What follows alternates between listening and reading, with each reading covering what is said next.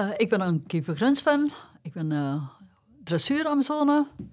Meerdere Olympische titels. Ik heb ook nog reining gereden. En intussen ben ik uh, groema vrachtwagenchauffeur. En help ik mijn eigen kinderen die beide springen op wedstrijden.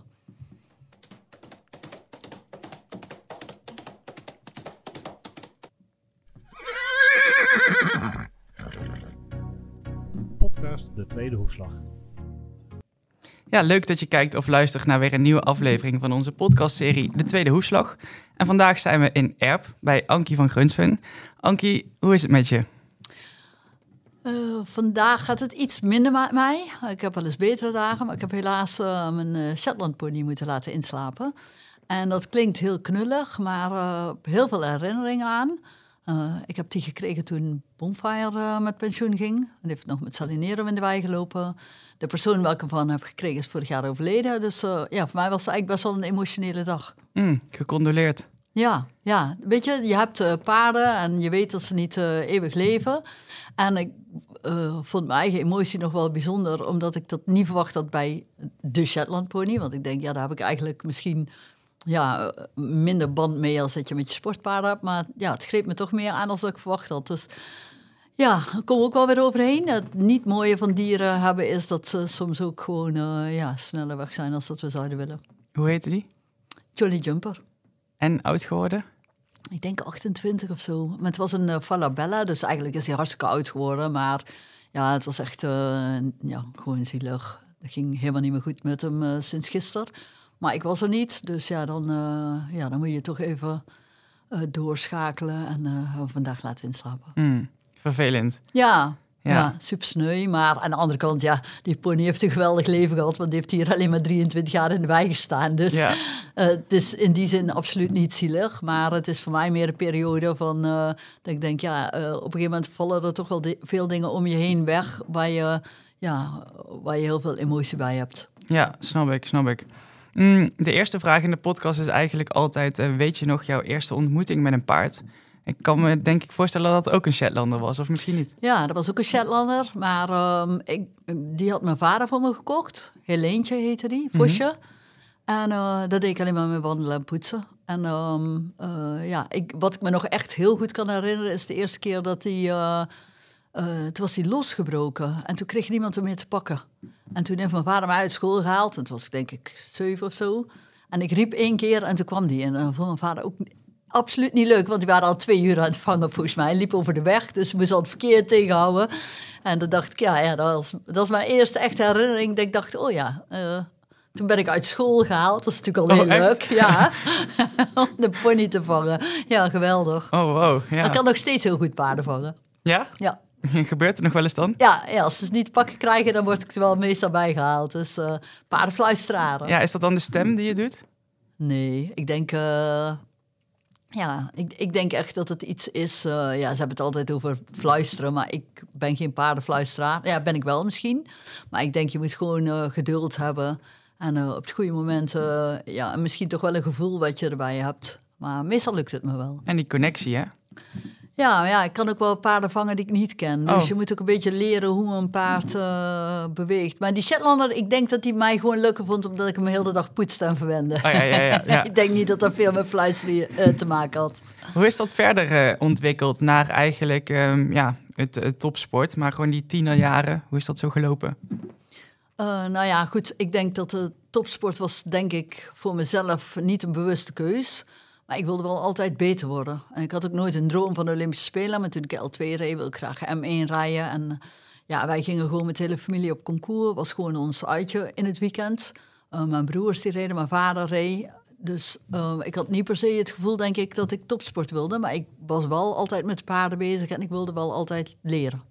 En hoe, was, uh, ja, hoe belangrijk was die band dan met je vader daarin? Ja, die band met mijn vader was super belangrijk, want hij was ook degene wat met ons op concours ging. Ja. En hij was ook degene die, uh, ja, die hielp eigenlijk. Ik denk dat ik mijn eerste les buiten de ponyclub omkreeg toen ik 15 was van Jo Willems. En tot die tijd heeft mijn vader me altijd geholpen. En wat heb je van hem geleerd? Van mijn vader? Ja. Heel veel geduld. Ja, ja, want ik had, uh, mijn eerste paard was nogal lastig. En uh, daar heb ik, ik heb vooral heel veel geduld uh, gekregen. En mijn vader was heel consequent, goed voor de paarden zorgen. eh, goed bewegen, maar ook goed naverzorgen. En eh, we hebben het steeds over welzijn. Eh er is een eh, issue momenteel, daar heeft iedereen het over, maar ik ben daar al mee opgegroeid. Dat was van ons, ja, dat, wij zijn al opgevoed met eh, het belang van ja, dat je goed op je paard let en er goed voor zorgt. Alleen misschien in een andere context toen? Of? Absoluut niet. Nee, ik zou niet. eh eh, dat was toen gewoon heel normaal dat je erover nadacht. En eh, ja, eh, nu gaat iedereen er eh, meer over praten. Maar alles wat nu gezegd wordt, ik ben daar wel gewoon echt mee opgegroeid. Ja, dus voor jou eigenlijk niks nieuws deze discussie. Nee. Nee, en Nee, het was ook geen discussie. Het was gewoon zo dat je goed voor je paard zorgde, goed uitstapte, goed instapte, goed naverzorgde. Dat, dat was echt, mijn vader was echt heel streng daarover. Wat, wat eh, kun je vertellen wat hij deed in de paarden? Mijn vader die had een eh, bouwbedrijf en die is echt eh, hobbymatig gaan rijden. En hij heeft zelf gesprongen en tot Prisingsors dressuur gereden. En ja, daarna is hij... Ja, we reden ergens een kampioenschap, reden mijn vader en ik tegelijk de ring in. En kampioenschap was het volgens mij. En eh, mijn vader in set 2 en ik in set 1. En ik, ik, ik weet nog dat we tegelijk de middenlijn op galoppeerden. Nie- We moesten de proef dus uit ons hoofd, want... eh, ja, iets van planning was toen nog niet helemaal dat mensen nadachten van misschien zijn ze met z'n tweeën, kunnen ze elkaar helpen. Dat was niet.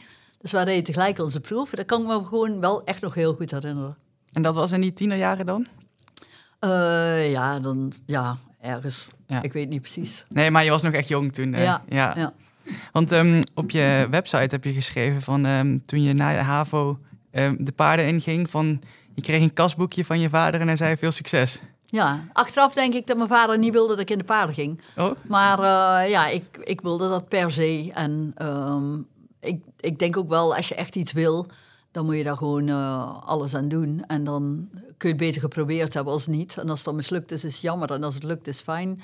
Maar eh, ja, eh, bij mij is het gelukt. want waarom denk je dat dan, dat hij dat zo dacht? Ja, mijn vader zei, ja, als je je eigen bedrijf wil eh, beginnen... Ja, in de paarden, kijk, er zijn natuurlijk... eh, het is natuurlijk wel een hard vak. En ik denk in mijn tijd in dressuur... was er niet zo heel veel te verdienen. Daar zat ook niemand op de tribune. Eh, daar deden niet veel mensen mee. Ehm, ik denk dat mijn vader... Ik denk, maar goed, dat denk ik achteraf... Ik denk dat mijn vader heeft gedacht, laat maar proberen. En als, dan komt ze er zelf wel achter wat ik vind. Dat denk ik. Heb je daar ooit nog met hem over gehad? Nee, heb ik nooit meer over gehad. Nee. Misschien ook een beetje vermeden van ik heb het wel laten zien. Nee, nee, nee, nee, nee. Wij eh, we hadden het alleen maar over dingen wat ze op dat moment ertoe deden, denk ik. Ja, ja, ja. Want ehm, je hebt ook wel eens gezegd dat het niet altijd makkelijk met hem was, toch? Nee, maar dat hoeft ook niet. En eh, het is bij mij ook niet altijd makkelijk. Is dat ook wie je dan bent geworden? ja, goed, eh, ben je, je hebt natuurlijk een karaktereigenschap en je hebt een opvoeding. Mhm. En eh, nou ja, kijk, appels vallen niet van perenbomen. Dus ik denk dat ik wel, als ik naar mijn broers kijk en naar, naar de familie, dan, ja, dan lijken we toch wel ergens allemaal op elkaar. En of dat dan alleen karakter is of ook opvoeding, het zal allebei samen zijn. Ja. Je noemde net al eh, van wie je dan ook nog les hebt gehad, maar wie waren jouw leermeesters? Eh, ja, dus eerst mijn vader, eh, daarna Jo Willems. Maar ik, ik zat er vanmorgen toevallig aan te denken. Ik heb nog bij Piet Oothout eh, les gekregen vanuit de KNS. Was toen een fonds. Dat was voor mij, ja... Ik denk dat ik echt wel wat geleerd heb. Maar eh, ik denk dat ik achteraf misschien te jong was om, eh, om het goed te begrijpen. Want ik wilde alleen maar oefeningen rijden. En eh, bij Piet Oothout moest ik heel veel basis doen. Dus ehm, eh, ik heb een tijd bij Bemelmans gewerkt. En ik denk dat ik daar van het werken ook heel veel heb geleerd. Want dan begon je 's morgens om zes uur. En dan s'avonds om nu of acht, negen of zo een keer klaar. En dus qua rijden heb ik daar ook van alles geleerd natuurlijk. Ik heb nog bij Henk Verbergen gezeten een, een periode. En bij eh, Jo Rutte. Maar Jo Willems was echt wel mijn basis. Dus vanuit Jo ging ik dan wel af en toe ergens lessen. Maar als, ik, als het niet meer ging, dan ging ik terug naar Jo. Is, Die daar, was mijn basis. En daarna was Schefter. ja. Ja, is dat daar ook zeg maar jouw visie ontstaan? Ja, ik denk wel als ik... eh, ja, mijn broers die hebben allebei eh, de kinderen rijden. En als we het dan over het rijden hebben, dan zitten we daar wel echt op één lijn. Dus ik denk wel dat, dat die basis, eh, ja, vanuit mijn vader, vanuit Jo... Dat is wel het meeste, denk ik. En daarna vooral vanuit chef, natuurlijk. Ja, wat ehm, als je dat zou omschrijven, die, zitten daar nog verschillen in dan? Nee, ik denk, ja, natuurlijk zit overal verschil in. Maar ik, ik weet toen ik van eh Jo ging ik bij Bemelman stage lopen. Voor mij was dat heel anders als bij Jo rijden. Ik vond het echt heel moeilijk. Was toch met meer, eh, ik denk toch met meer druk achteraf. Meer been, meer, ja. En eh, dat was bij Jo niet. Ja, wel fanatiek, maar eh, ja, toch meer, denk op het gevoel. En dat was bij, bij Chef ook zo. En verder heb ik wel echt bij iedereen dingen... ge- Je pakt overal iets op hè, waar je Mhm. komt. En soms pak je dingen op waarvan je denkt, daar heb ik iets aan, daar kan ik iets mee. En soms is het ook dat je denkt, ja, dat wil ik dus niet. Dat kan net zo makkelijk zijn. Ja, en is dat in de loop der jaren ook nog de laatste, latere jaren veranderd? Eh, ik denk wel dat je je door blijft ontwikkelen. Als dat niet is, dan doe je het niet goed. Ja, dat hoeft niet altijd, hè? Nee, ja, maar goed, dat probeer je wel. En ik denk, je doet iets goed en je doet iets fout. Maar als, jij, als ik nu hetzelfde zou zijn als twintig jaar geleden, had ik niet veel bijgeleerd. Heb je wel eens afgevraagd wat als je met de paarden van toen nu zou rijden? Oh, ik denk dat Bonfire nog zeker... eh Prisco niet, die was gewoon echt niet goed genoeg. Maar daar heb ik wel echt heel veel van geleerd. Vooral heel veel geduld hebben. Ik denk Bonfire, eh, ja... vi- daarvan vind ik zelf nog steeds dat... eh, ja, dat vind ik nog steeds een geweldig paard. En ehm, ja, ik denk in je ontwikkeling natuurlijk... Ik, ik denk dat ik hem nu wel beter zou, kon, zou kunnen rijden als toen ik 15 was. Ja, dat is ook niet meer als normaal. Nee. En het paard zelf, zeg maar? En, want daar zit ook ontwikkelingen in. Hoe bedoel je het paard zelf? Nou, ehm, als je paard Bonfire zeg maar in de tijd van nu zou plaatsen, mensen zeggen van ja, eh, er zit ontwikkeling in de paarden, dat paarden Nou. nu beter worden, anders dat er de andere Ja, dingen ik gevraagd vind op worden. het moment, eh, ik denk dat Bonfire nog wel mee kan doen. En ik vind nog steeds eh, bij dressuur, dat blijft ook zo. Hebt periodes heb je veel goede paarden. Mhm. En dan heb je perioden, dan vind ik het wat... ja, weet je wel, er zijn er een paar leuke en verder eh, wat minder. Maar dat, dat is wel steeds met komen en gaan. Maar je hebt ook steeds wel andere paarden. Want als ik dan op dit moment denk eh, aan Dalera en Glamourdale... zijn twee totaal verschillende paarden. Maar ik vind het wel allebei vaak mooi. Mhm. Ja, ik heb een stelling voor je. Ehm, ik ben te vroeg gestopt met topsport. Nee, zeker niet. Nee. Nee, was precies goed. Mhm. Ja. ehm, nou, ik heb altijd gezegd... Ik heb natuurlijk zelf eh, vanaf... Ik reed, toen ik twintig was, mijn eerste Olympiade. En daarna heb ik alle wedstrijden, eh, winter en zomer, allemaal meegereden. En ik heb ook echt heel bewust de keuze gemaakt op een gegeven moment... om eh, ja, geld te investeren in het gebouw. Toen ik mijn kinderen kreeg, heb ik ook gedacht... ik ga niet de rest van mijn leven alleen over de wereld reizen. Want dan, ja, je kiest voor een gezin...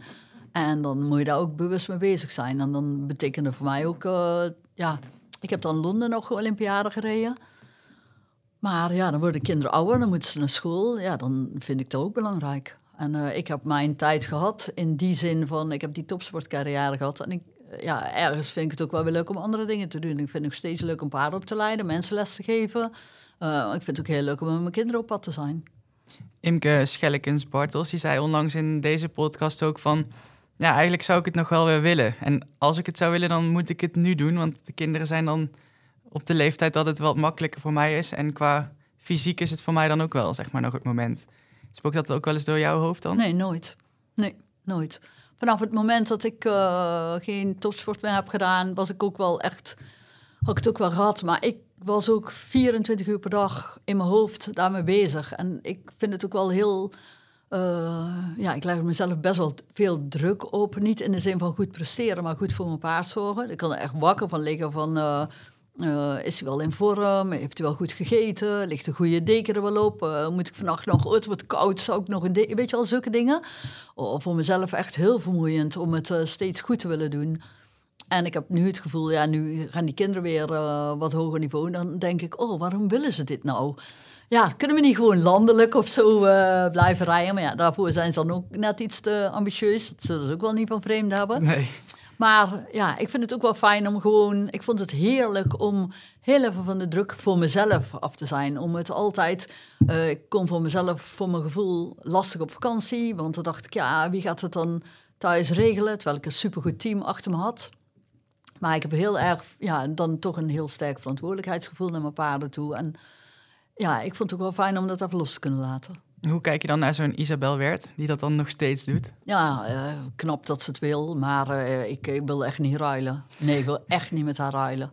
Nee. Nee. Vind je dat dan niet bijzonder als je dan bijvoorbeeld op zo'n evenement, eh, bijvoorbeeld in Den Bosch, waar zij, zij dan bijvoorbeeld is en jij dan in een totaal andere rol, dat, dat zij dat dan nog steeds doet en jij dan echt al lang niet meer met die wereld ik, bezig ik vind bent? het juist heel leuk om weer iets anders te doen. Daarom ben ik ook een periode gaan renen. En eh, ik, vind, ik ben nu voorzitter van het bestuur van Indo-Brabant. Ik vind het ook geweldig om in zo'n evenement een schakel te kunnen zijn. En dan ontwikkel je jezelf op een andere manier ook weer door. Dus ik heb wel het gevoel dat ik nog heel veel aan het leren ben, maar eh, niet per se door nog steeds een concours te rijden. En ja, ik vind het knap dat zij wel die motivatie eruit haalt. Want ik moet eerlijk zeggen, ehm, ik, ik heb die motivatie niet meer. En, en of je hebt een paard waarvan je denkt, ja, oh, ik kan echt in de top drie mee rijden. Als ik dat niet heb, dan zou ik echt niet weten wat ik daar moet doen. En aan de andere kant vind ik het juist ook heel mooi dat er een nieuwe generatie is. Als ik dan eh Lottie Fry zie rijden, ja, dan denk ik, ja, wauw, eh, mooie Amazone, fantastisch paard. Ja, dan ben ik echt wel fan.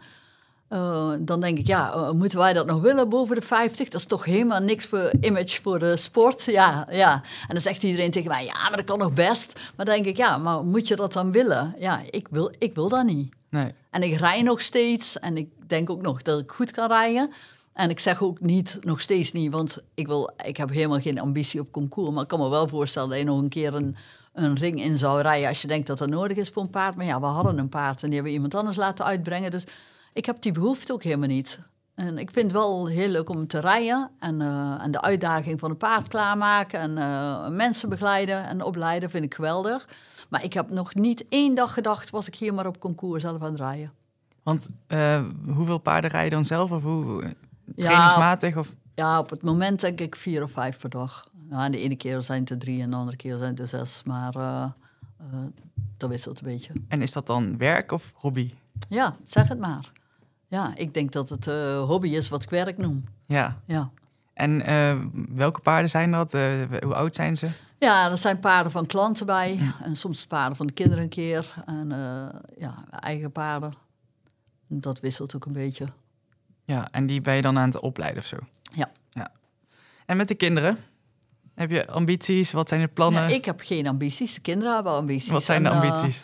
Ja, gewoon, ja, ik denk, ehm, eh, wij spreken dat denk ik niet zo heel duidelijk uit. Maar ze willen wel echt, eh, ja, ze zijn wel fanatiek aan het rijden allebei. En ze hebben allebei wel een goede planning eh, de wedstrijden wat ze willen. En ze vinden het ook belangrijk, tenminste dat vind ik ook belangrijk, dat er wel plezier in houdt. En ja, dat we gewoon wel ook leuke concours rijden. En de ene keer gaat het beter dan de andere. Maar dat denk ik, dat hoort er allemaal bij. Kun je eens vertellen waar ze nu staan? Hoe oud zijn ze? Wat, wat rijden ze? AVE is 16. Eh, die heeft het laatste ponyjaar dit jaar. Heeft wel al twee EK's gereden. Met allebei de EK's een teamrijen mee eh, naar huis gebracht. En ehm, ja, die, ja, die zit dus nu in haar laatste ponyjaar. Heeft intussen ook wel al paarden wat ze dan springt. Nou, ponies is echt heel hoog met springen. Dat vind ik echt bizar eigenlijk. Ponies is echt geweldig. En Jannik, ja, die heeft pech gehad in zijn ponytijd, want er was net corona. Dus die heeft het EK gemist door dat hele corona, omdat er geen EK was. Dus dat vind ik dan ook wel weer lastig. Eh, toen bij de junioren had hij pech, eh, paard, zijn beste paard eh, ziek. Dus dat viel eigenlijk ook weg. Met hebben wel andere wedstrijden gedaan. En nu, heeft hij, ja, nu is hij al eh jongrijder. Dus hij gaat echt heel snel. En hij heeft ook de pech dat hij tien weken te vroeg is geboren. Anders had hij een jaar eh, ja. extra gehad. Dat is wel een beetje sneu. Maar die heeft nu eh ja, 1,45 proeven gereden. En tot nog toe eh, ja, goed. En eh, ja, ja, dan eh, door.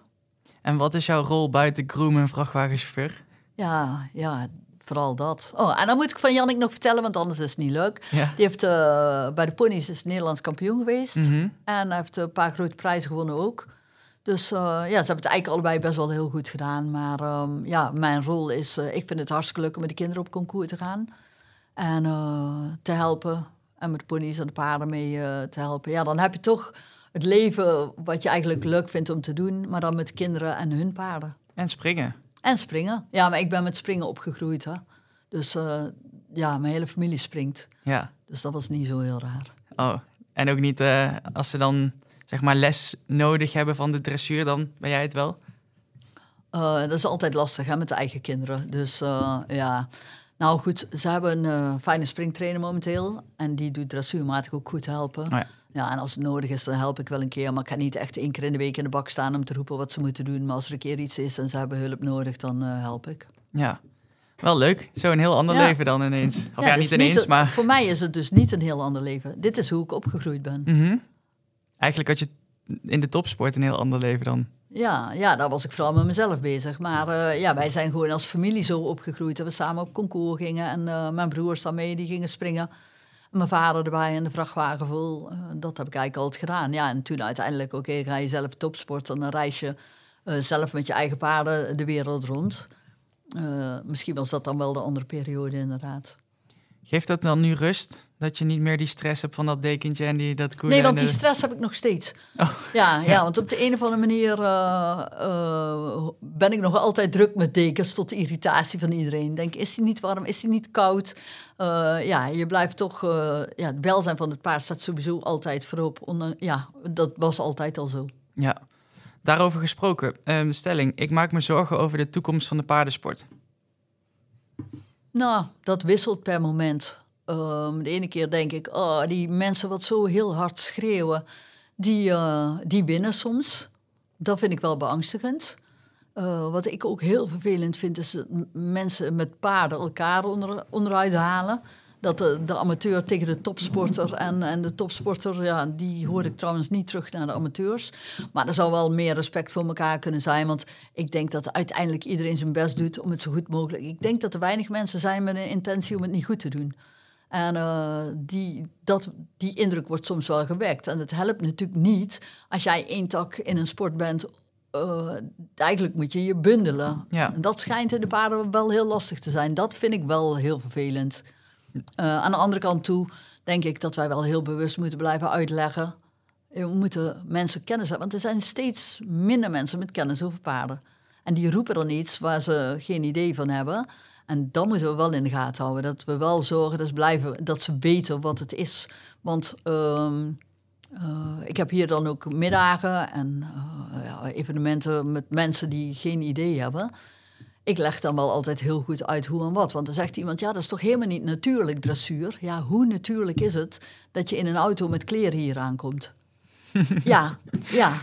Dus het is eh, evolutie. Eh, dus je hebt niet... Het is niet meer dat... Je, die paarden wat hier staan, die kun je niet meer in het wild loslaten. Want die zijn niet zo eh, opgegroeid. En ze, ze staan in de wei, maar ze komen ook aan de molen en ze worden getraind. Dan denk ik daarbij nog steeds dat paarden het gewoon heel... Ik heb aan mijn topsportpaarden gemerkt dat die het prettig vonden. Ik heb die heel lang doorgereden, omdat ze er blij van werden. Het is helemaal niet zo dat... Een, ik denk echt dat een paard gewoon mee geëvalueerd is met de mensen. En eh, paarden zijn altijd samen met de mensen, of het nou op het land was of in de oorlog. We zijn altijd een team geweest. En eh, gelukkig hebben we geen oorlog te paard meer, we hebben wel nog politie te paard.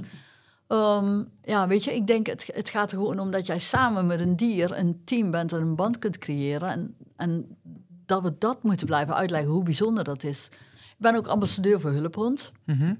En ook omdat eh, ook dat je merkt als mensen met dieren werken, dat dat toch eh, zowel eh, therapeutisch kan zijn als ehm, ja, gewoon hulp in het huis of voor gehandicapte mensen. Maar we hebben daar ook een project met paarden opgezet. En mensen hebben daar echt ongelooflijk veel resultaat eh, bij. En dan denk ik, dat moeten we naar buiten brengen. Dat, dat die band tussen mens en dier is heel bijzonder. Dat moet je niet willen verbreken. Wat doen ze dan in dat project? Ja, het is echt eh, met paarden is echt therapie Mm. voor mensen met eh, mentale problemen. En hulphond is ook, eh, nou ja, goed, bijvoorbeeld mensen in een rolstoel die extra hulp nodig hebben, maar ook mensen met epilepsie. Eh, dat die hond die voelt het aan. Ja. Ja. dan vind ik het meest bizarre. Hoe kan die het weten dat, terwijl jij het nog niet door hebt? Ja. Dan zijn dingen, dan moeten wij, dan moeten we koesteren. Want het is heel bijzonder wat, wat een dier aanvoelt en wat ze ons willen eh, meegeven. Moeten wel blijven luisteren. En die, die middagen die je dan organiseert, nodig je dan mensen uit of melden die zichzelf aan of hoe gaat zoiets? Eh, ja, melden ze, ze kunnen zich aanmelden. ja. En eh, ja, soms, ik heb dus ook van bijvoorbeeld Hulphond hier evenementen van bedrijven, evenementen. Dus ja, ja, ook voor gewoon paardenmensen. Maar er zijn verschillende dingen en dan kom je dus ook verschillende mensen tegen. Maar ik vind het wel heel belangrijk dat je open communiceert en duidelijk uitlegt waarom je dingen doet en wat je doet en hoe het is.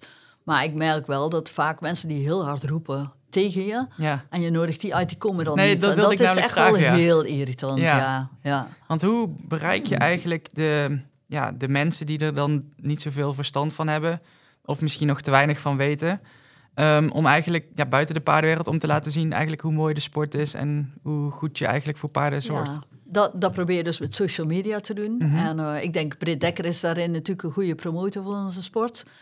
Ehm, ja, zelf probeer ik het ook eh, gewoon wel naar buiten te brengen. Maar ja, dat moeten we met z'n allen doen. Kan niet één iemand alleen de kar trekken. hè. Dus Ja. nu trekt Britt een eind de kar. Ik denk dat ik het een heel eind gedaan heb.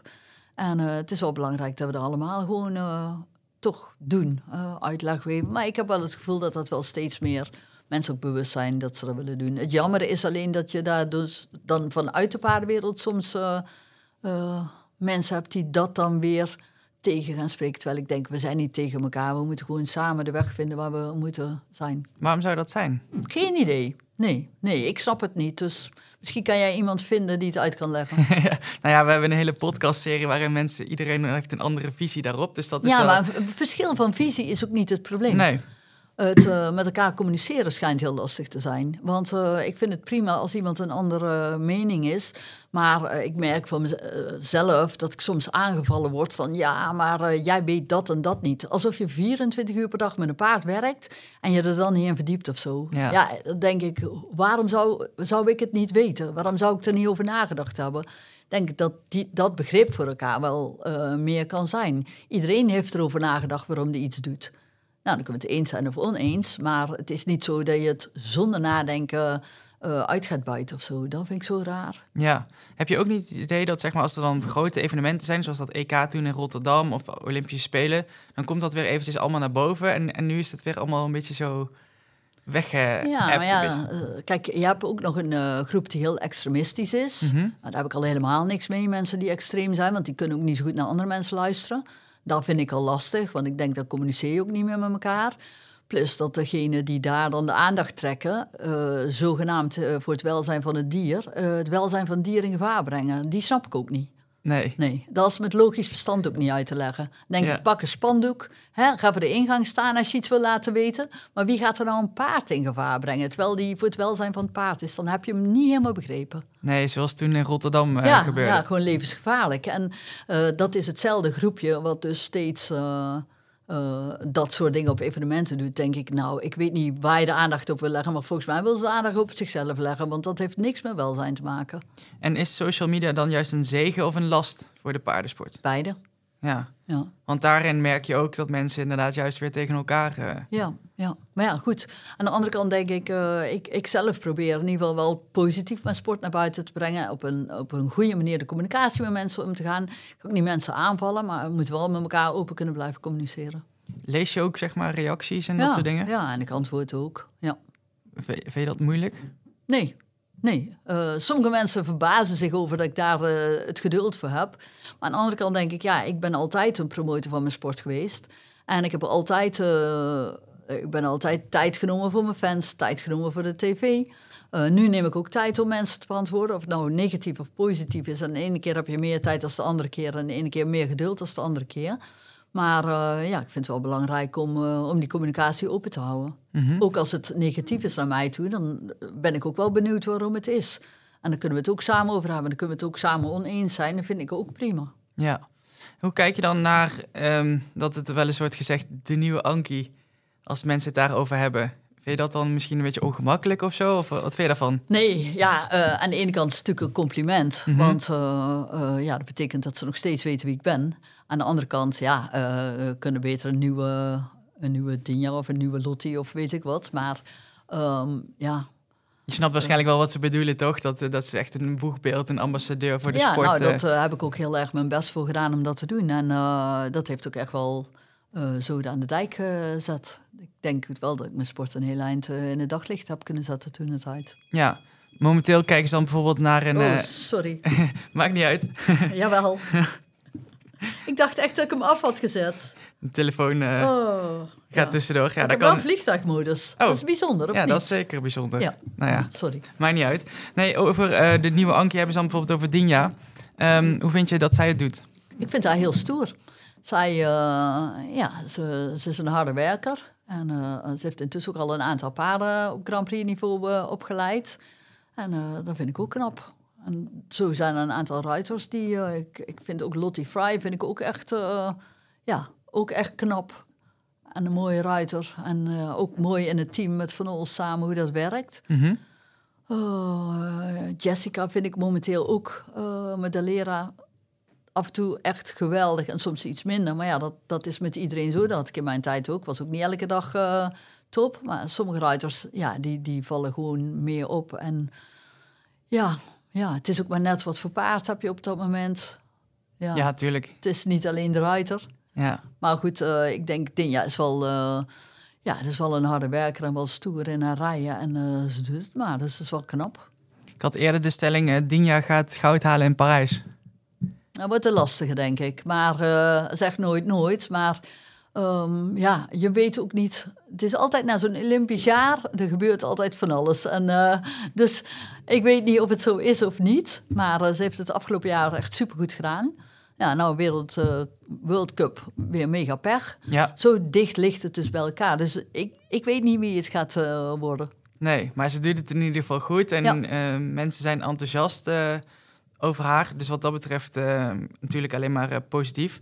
Zijn wel allemaal vrouwen die je noemt. Heb je ook nog een man die, eh, die voor jou bijvoorbeeld eh, uitspringt? En, eh, Op het moment niet, Ja. nee. Jij?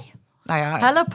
Ja. Denk, huh, wie? Nee, eventjes niet. dit is wel in de top eh, eventjes allemaal vrouwen. Ja, bij de, ja, ja, echt. Als ik nu denk, ja, er zitten vast wel goede mannelijke ruiters tussen. Maar ik kom niet zo snel nu op de naam van de combinatie dat ik denk, ja. Ja, dat is het natuurlijk, hè, de combinatie. Want je hebt natuurlijk in het verleden ook bijvoorbeeld Carl Hester, ja, Edward Gal.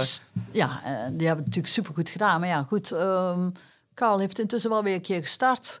Maar ja, jongens, die zijn ook allemaal over de 50. We zoeken een nieuwe, ja, Marten Luiten, hè, Ja, die ja, moet ja. eigenlijk een keer door gaan stoten. Dan hebben we weer een man die eh, in Nederland bij de dressuur ja, gaat. die hebben we ook in de podcast gehad. Hoe vind je dat hij het eh, inderdaad doet? Want die zie je nog wel eens, toch? Ja, ja, die komt met regelmatig hier trainen. En ehm, ja, super slimme jongen. Mhm, Ja, Die eh, ja, goed over nadenkt wat hij doet. wat hij en wil. ook al de nodige successen bij de jeugd behaald heeft. Ehm, ja, ik denk dat hij wel een paar fijne paarden heeft. Maar ook daar zit eigenlijk weer de uitdaging. eh, maak je de overstap naar de Grand Prix. En eh, Hoe groot is die stap? ja, die is groot. Te groot, zeg maar? Nee, die is niet te groot. Niet per se voor hem, groot. maar... Ik bedoel, Ja, je moet er gewoon net tegen het goede paard aanlopen. Mhm. En eh, ik denk dat hij wel een paar goede paarden heeft. die misschien nog nu te jong zijn voor dat niveau. Maar da- daar zit het eigenlijk wel in. Ja, want dat, zegt, dat zeggen jeugdruiters soms, dat hè, van onder 25 naar Grand Prix, dat dat toch nog wel een flinke stap is. Dat is het ook. En dan is die onder Maar eerst was 25... er niet eens Nee, onder precies, 25. Weet je hoe groot die stap was? Dus hij moet die stap gewoon maken. Ja. Wat moet hij nog leren? Ja, wat moet hij nog leren? Ja, eh, kijk, dat is per paard ook wisselend. Eh, ja, er zijn in de training altijd dingen waar we aan werken. En eh, ehm, aan de andere kant heeft hij al heel veel laten zien. En hij is een hele skure ruiter. Eh, veel gevoel, slim. Dus in die zin heeft hij al veel geleerd. Maar aan de andere kant denk ik, ja, eh, hij is nog jong. Hij maakt nu de overstap naar U25. Dat goed, gaat goed. Maar daarin zien wij ook allebei wel dat, dat hij veel dingen goed doet. Maar dat er ook ruimte is voor verbetering. En zolang als je daar hebt, is wel super fijn. En twee keer talent van het jaar achter elkaar, dat Ja. zegt al wat. Ja, ja. Ehm, ja, je begon het gesprek eigenlijk al met wat eh, verdrietig nieuws. Maar je had eind vorig jaar natuurlijk ook eh, verdrietig nieuws met eh, Salinero. Ehm, hoe ga je daar nu mee om? Is, is dat een beetje... Nou, dat is het punt dus ook van de Shetlander. Dat een mini-Appaloosa is en niet een Shetlander. Ehm, ik denk dat dat een beetje het lastige is ook. Dat je op een gegeven moment... Ja, Bonfrey was oud, Salinero was oud. Ze hebben allemaal een supergoed leven gehad. Dus in die zin is het, is het allemaal prima. Maar ja, goed, je laat wel iets achter eh, ja, waar je heel veel mooie momenten mee meegemaakt hebt. Er zit heel veel emotie in die paarden. En dat is toch gewoon heel verdrietig als je afscheid moet nemen. Ehm, iedere ruiter zal dit herkennen. Die maakt dat een keertje mee, ehm, helaas. Heb je zeg maar tips of zo hoe mensen daarmee om kunnen gaan in deze rouwverwerking dan? Nee, ik denk dat dat voor iedereen hetzelfde is. En ik denk ook niet dat het iets uitmaakt of je nou Olympisch goud hebt gehad of dat je gewoon eh, heel gek met je paard bent. Voor mij is daar geen, eh, niet per se een verschil. Maar goed, ik denk iedereen op een andere manier met zijn rouw omgaat. En eh, ja, ik ben altijd heel open in alles wat ik meemaak. Voor mij is dat het fijnst. Maar er zijn ook mensen die dat juist niet willen. Dus ja, wat is een tip? Ik zou het niet weten. Het is gewoon waar je jezelf het beste bij voelt. En open bedoel je dan met mensen erover praten? Ja, ik, ik communiceer eh, heel open altijd. En eh, voor mij is dat heel prettig. Maar sommige mensen vinden dat juist helemaal niet fijn. Dus ik denk echt, eh, je moet gewoon altijd dat doen waar je jezelf het beste bij voelt. Heb je nog iets van een herinnering aan Salinero gemaakt of iets wat... Ik heb altijd armbandjes aan met Bonfire en Salinero. En Wis, mijn quarter ook, die leeft nog en die loopt hier nog in de wei. Maar die armbandjes heb ik dag en nacht aan, altijd. En als ze kapot zijn, dan laat ik nieuwe maken. Met de beeldenis erop. Nee, gewoon haar. Paardenhaar is het. En ehm, eh, ja, die draag ik eigenlijk altijd. Dus dat is voor mij al een eh, mooie herinnering. Ja, verder zit het niet in materiële dingen. Het zijn toch de herinneringen. Ja, niet een, een beeldje of zo of iets Nee. hier op stal. eh. Nee. Want- Nee, ja, dat heb ik wel. En ik heb ook foto's en ik heb zadel. Ik heb van alles. Maar ehm, eh, ja, het zit hem toch meer in, in de dingen die je meegemaakt hebt voor jezelf. En ik merk, eh, waar wij nu zitten, hangen ook veel foto's. Maar Ja. dat, andere mensen vinden dat vooral leuk. Dus in het begin, ik ben eigenlijk helemaal niet zo van dingen van mezelf ophangen. Maar ik heb intussen ook de medailles eh, in de kantine opgehangen. Dat had ik ook nooit. Ja, mooi. Maar ja, iedereen vindt het mooi. Maar ik zelf dacht altijd, ja, dat is zo patserig. mensen weten het wel. Maar nu ik ze heb hangen, ja, vind ik het eigenlijk, denk ik, ja, ik ben er toch wel trots op natuurlijk. En eh, mensen vinden het echt mooi. En ja, in de kluis laten liggen is ook een beetje zonde. Ja, ik stond er straks naar te kijken en toen zei iemand, mooi hè? Dacht Ja. ik, ja, is ook wel mooi dat dat zo ook. allemaal bij elkaar hangt. Ja.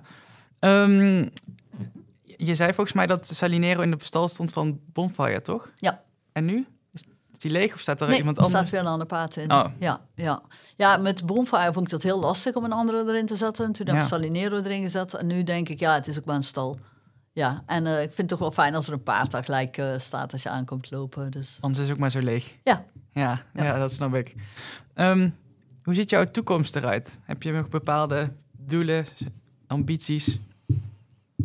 Nou, ehm, ja, misschien niet zo vast omlijnd als vroeger. Het is nu meer dat ik eh, elke dag dat ik eh, ga rijden of ga lesgeven, eh, heb ik dan wel het doelen om het zo goed mogelijk te doen. En per paard en per combinatie heb je bepaalde doelen.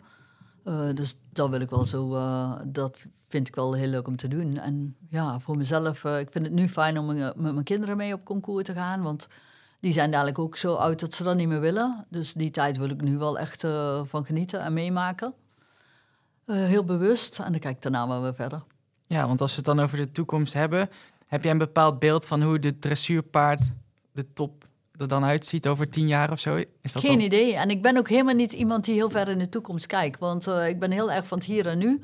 Ik vind het ook wel makkelijker, want ik weet echt niet wat er morgen is. En jij ook niet. Dus ja, je hebt een idee wat je wil gaan doen in het seizoen. De kinderen hebben een planning. Dus in die zin heb ik dat ook. En ook met mijn leerlingen en ook met mijn paarden. Je hebt een plan. Maar er kan eh, ja, zoiets veranderen en dan moet je alles omzetten. Dus eh daar heb ik ook altijd in mijn achterhoofd. Dus Ja. wat er over tien jaar is, ik heb geen idee. Ik, ik, ik snap je aan de ene kant. Aan de andere kant, bijvoorbeeld Dinja, die vroeg zich bijvoorbeeld ook wel af van... rijden we dan inderdaad nog wel op de Olympische Spelen dressuur? Zeg maar, dit is wel zeg maar, een Ja, topic moet dat... zij iets aan doen. Ja, Ja, daar moet ze zelf voor zorgen dat dat blijft. Want eh, ik denk wel dat dat heel belangrijk is. Dat we dat stukje blijven communiceren en dat je je in blijft zetten. En waar ik me heel veel voor ingezet heb zonder resultaat, wat ik wel heel frustrerend vind, is dat je bij de FI. Volgens mij ze nu nog steeds dezelfde Grand Prix als in Hongkong 2008. Ja, dat vind ik echt bizar. Eh, er is weinig ontwikkeling in de dressuursport. Het blijft allemaal hangen. Dus ik zou inderdaad wel, als ik dressuurruiter was op dat niveau nog steeds... en dat geldt niet alleen voor Dinja hoor, maar dat geldt voor, voor alle dressuurruiters... ja, je moet wel mee... eh, eh, ik heb het gevoel dat in de dressuur, en dat ligt niet aan de ruiters denk ik... ik denk echt dat het eh, een FII-ding is, jury, ik weet niet... maar er is weinig vernieuwing. Ja. En eh dan denk ik, dat is nooit goed. Hè? Stilstand is achteruitgang. En als je dan bij het springen ziet hoe, eh, hoe dynamisch het daar allemaal is... en hoeveel er gebeurt en wat er verandert en wat er vernieuwt... en hoe die erover nadenken, dat is wel echt... daar gaat het veel sneller. En ik zou me daar als dressuurruiter ook wel zorgen over maken.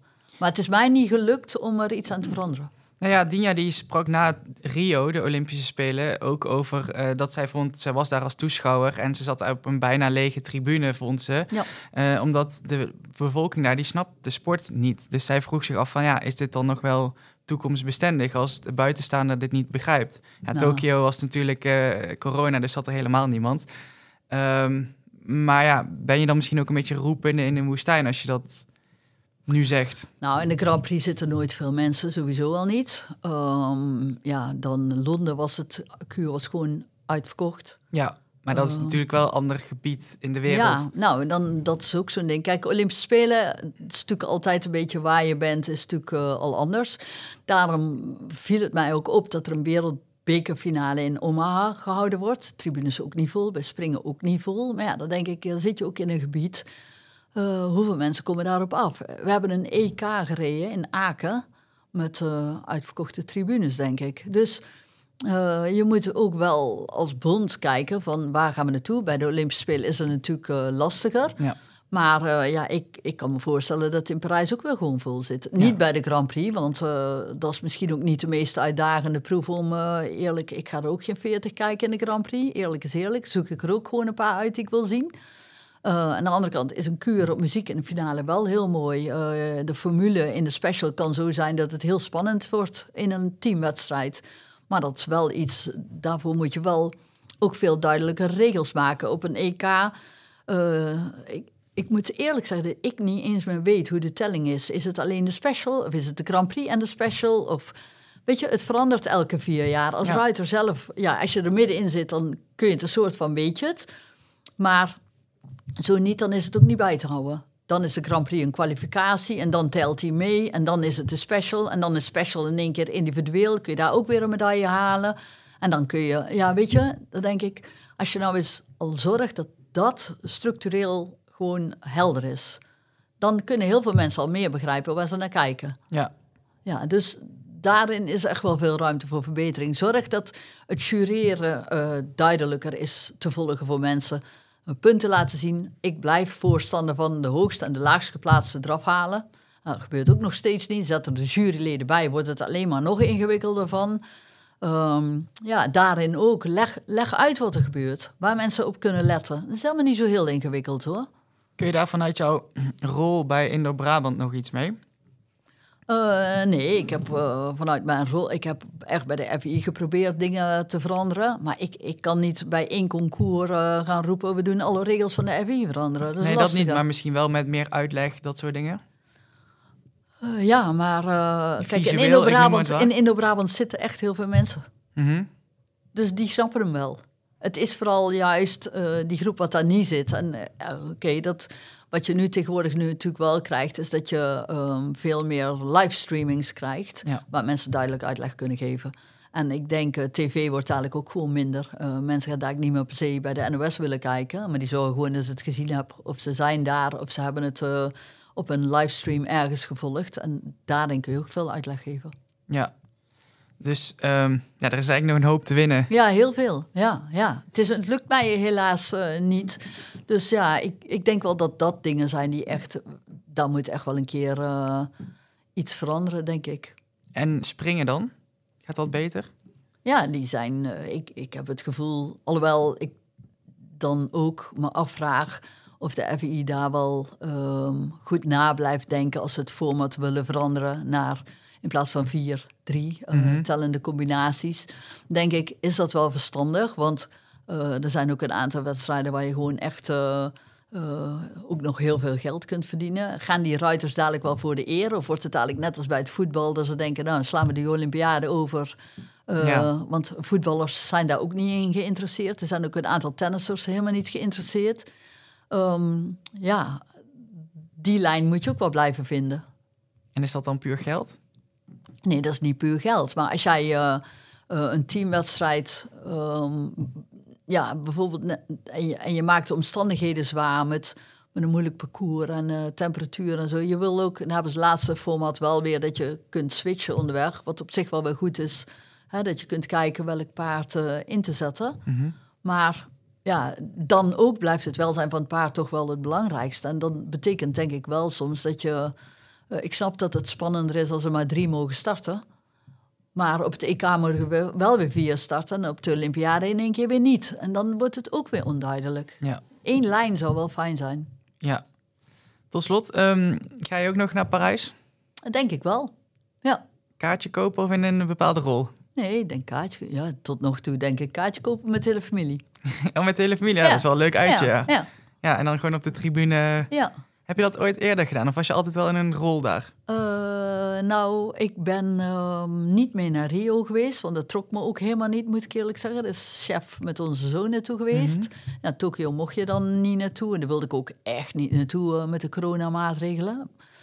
Ehm ja, Parijs lijkt me wel weer leuk, Versailles. Dat is hartstikke mooi. Ja, ik heb die preview zeg Ja. maar gezien hoe dat Ja. er eruit moet zien. Met, Ja. Volgens mij de Eiffeltoren daar in de achtergrond. Ziet er Ja. wel gaaf uit. Ik denk ook dat het heel mooi wordt. Maar zou dan dus de eerste keer als fan zijn? Ja, waarschijnlijk wel. Ja, misschien, eh, ja, ik weet, ik weet het niet. We zullen het zien wat het is. nee, ja, jaar. inderdaad. Maar ja, het zou wel, eh, wel lachen zijn om dat eh, zo met z'n allen te beleven. Ja. Dus, eh, nou, dankjewel in ieder geval voor je tijd. Graag gedaan. Leuk dat je keek of luisterde naar deze podcast. Vond je hem nou leuk? Abonneer dan op ons podcastkanaal. En beluister ook onze andere podcasts. Weet je, op social media, het is zo makkelijk tegenwoordig om alles maar af te zeiken. En, en ruiters zijn niet goed genoeg, de paarden zijn allemaal stom, juries kunnen er nooit wat van. Het is, weet je, het ligt altijd aan iedereen, zeg maar. En, en een heleboel mensen die kijken niet naar hunzelf. Maar, en, en dat vind ik soms, ja, daar heb ik soms dan moeite mee. Ja, de, de ochtend dat ik moet rijden, dan ben ik echt, eh, dan, dan wil je mij niet tegenkomen. Dan ben ik echt één wrak.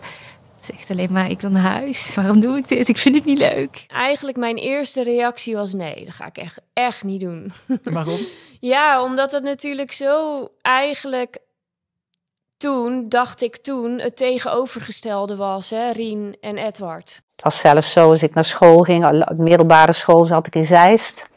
En dan kwam je op maandagmorgen op een gegeven moment op splitsing. En dan rechts was naar Zeist en links naar Utrecht. Dan ging ik naar Utrecht, naar de paardenmarkt. Dus dan spijbelde ik altijd op maandag tot natuurlijk de leraren begonnen te klagen. En toen zei ik tegen mijn vader en moeder, ik zeg, ja, ik kon er gewoon echt niks aan doen. Want mijn fiets ging gewoon die richting op. En zo voelde het gewoon voor mij. Dus Waarschijnlijk drukt hij me dan gewoon weg. hij heeft je nummer, hè? Dus, eh, Ja, daarom. Zo gauw die eh, mijn nummer ziet, dan is het eh, weg dat ding. ja. Blijf je tot je 65ste doen wat je al 20 jaar gedaan hebt. Want ik zit al 20 jaar in dit bedrijf, bij wijze van spreken. Nou, volgens mij eh, Dit is een ander hoor. willen de honden wat meer aandacht. Snap je wel dat die regel er zeg maar is? Of? Nee, Nee. echt totaal niet. Ik heb een keer met de KNS gebeld. Maar ik denk dat wij als hele paardenwereld wel heel erg op moeten letten dat we de buitenwereld niet laten dicteren wat wij doen. Maar als ik het gevoel heb, dat is het goede dat je dat zegt. Als ik het gevoel heb, nou ben ik hier aangenomen als bondscoach en ik fungeer alleen maar als chef de keeper, mag ze rondrijden naar het hotel en terug en ik, ja, of organiseren. Nee, nee, dat is, dat is niet, dat, niks is met te min hoor, maar dat is, mijn, dat is mijn ambitie niet. Ik hoop dat ik je zo een beetje heb kunnen laten zien waar ik mee bezig ben en wat ik allemaal doe in het leven.